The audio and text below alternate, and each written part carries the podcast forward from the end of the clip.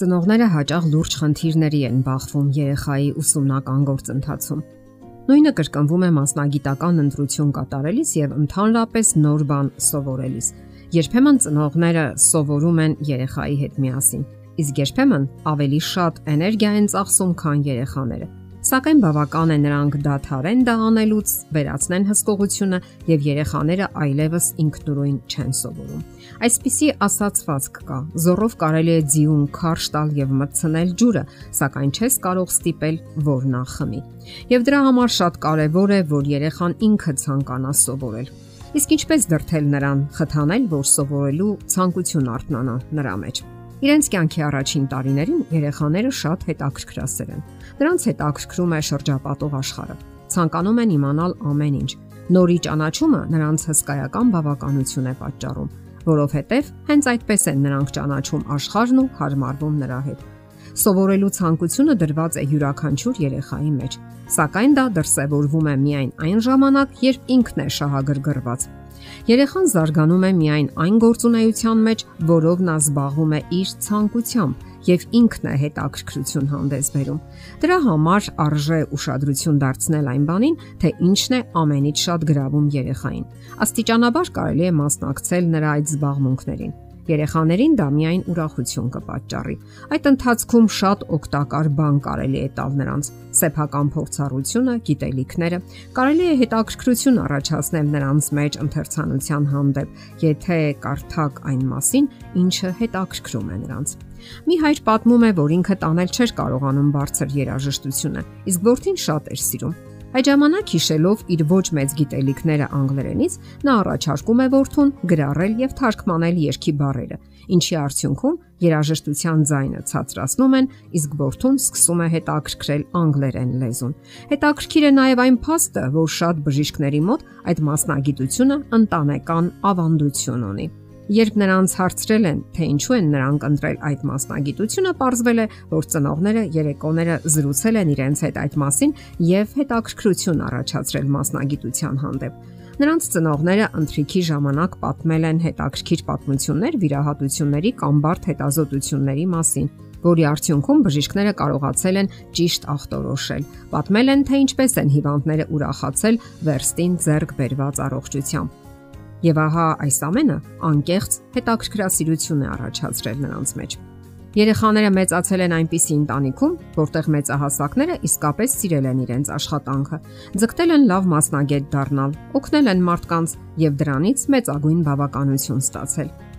Իհարկե հասկանալի է, որ բոլոր ծնողները չէ որ բժիշկներ են, սակայն բոլորն էլ որևէ հետաքրքիր եւ օգտակար գործ են անում։ Երեխան պետք է տեսնի, թե ինչպես են ծնողները սիրում իրենց աշխատանքը, հրապուրված են նրանով։ Ծնողների աշխատանքի հետաքրքիր կողմերը պետք է անընդհատ լինեն ընտանեկան զրույցների մեջ։ Վաղ մանկության ժամանակ երեխաները ծնողների աշխատանքը դիտում են որպես իրենցից բաժանում։ Ծնողները ինչ որ տեղ են գնում, իսկ դա վատ է։ Անհրաժեշտ է երեխային փոխանցել սեփական հետաքրքրասիրությունը աշխատանքի հանդեպ, հրապուրվածությունը եւ հաճախ էլ հիասթափությունը։ Թող նա տեսնի, որ ծնողները սիրում են այն, որ դա իսկապես կարևոր է իրենց համար։ Թող երեխան իր մեջ ներծծի այն մարդու հուզական կերպարը, որը գտել է իր տեղը կյանքում։ Կյանքի հանդեպ երանդը, հետաքրքրությունը, սովորելու ցանկությունը երեխան փոխ է առնում ծնողներից։ Պատահում է, որ ծնողները հետաքրքիր են ներկայացնում իրենց աշխատանքը, սակայն իրականում այդպես չեն կարծում։ Եթե նույնիսկ ոչ մի հետաքրքիր բան չեք գտնում ձեր աշխատանքի մեջ, բավականություն չեք ստանում նրանից, ապա արժե ազատ ժամանակ զբաղվել սիրելի զբաղմունքով, որը կարող է լինել գործելը, կարելը, լեզուներ ուսումնասիրելը, համակարգչի մեջ հմտանալը եւ այլն Անհրաժեշտ է զբաղվել կանոնավոր։ Թող երեխան տեսնի, թե ինչ հաճույքով են ծնողները զբաղվում, եւ այդ ժամանակ դուք կարող եք ինչ-որ բան պատմել երեխային, ինչ եք զգում այդ պահին, որքան կարեւոր է դա ձեզ համար եւ այլն։ Իսկ եթե այդ զբաղմունքը օգուտ բերի ամբողջ ընտանիքին եւ նույնիսկ գումար, ապա շատ ավելի լավ կլինի։ Եվ այսպես, որpիսի երեխային դրթեք սովորելու, հիշեք, երեխան արտացոլում է ծնողների զգացմունքներն ու փոխհարաբերությունները Մտածեք, ինչպես եք վերաբերվում ձեր աշխատանքին։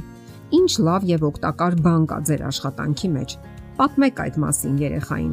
Գործնականում ցույց տվեք նրան, թե ինչ օգուտ կարող է տալ սիրելի զբաղմունքը ողջ ընտանիքին։ Վերլուծեք ձեր վերաբերմունքը երեխայի ուսման ու դպրոցի հանդեպ։ Մտածեք, նա իսկապես հաճույքով է գնում դպրոց, թե սпасում է հերթական դիտողությանը կամ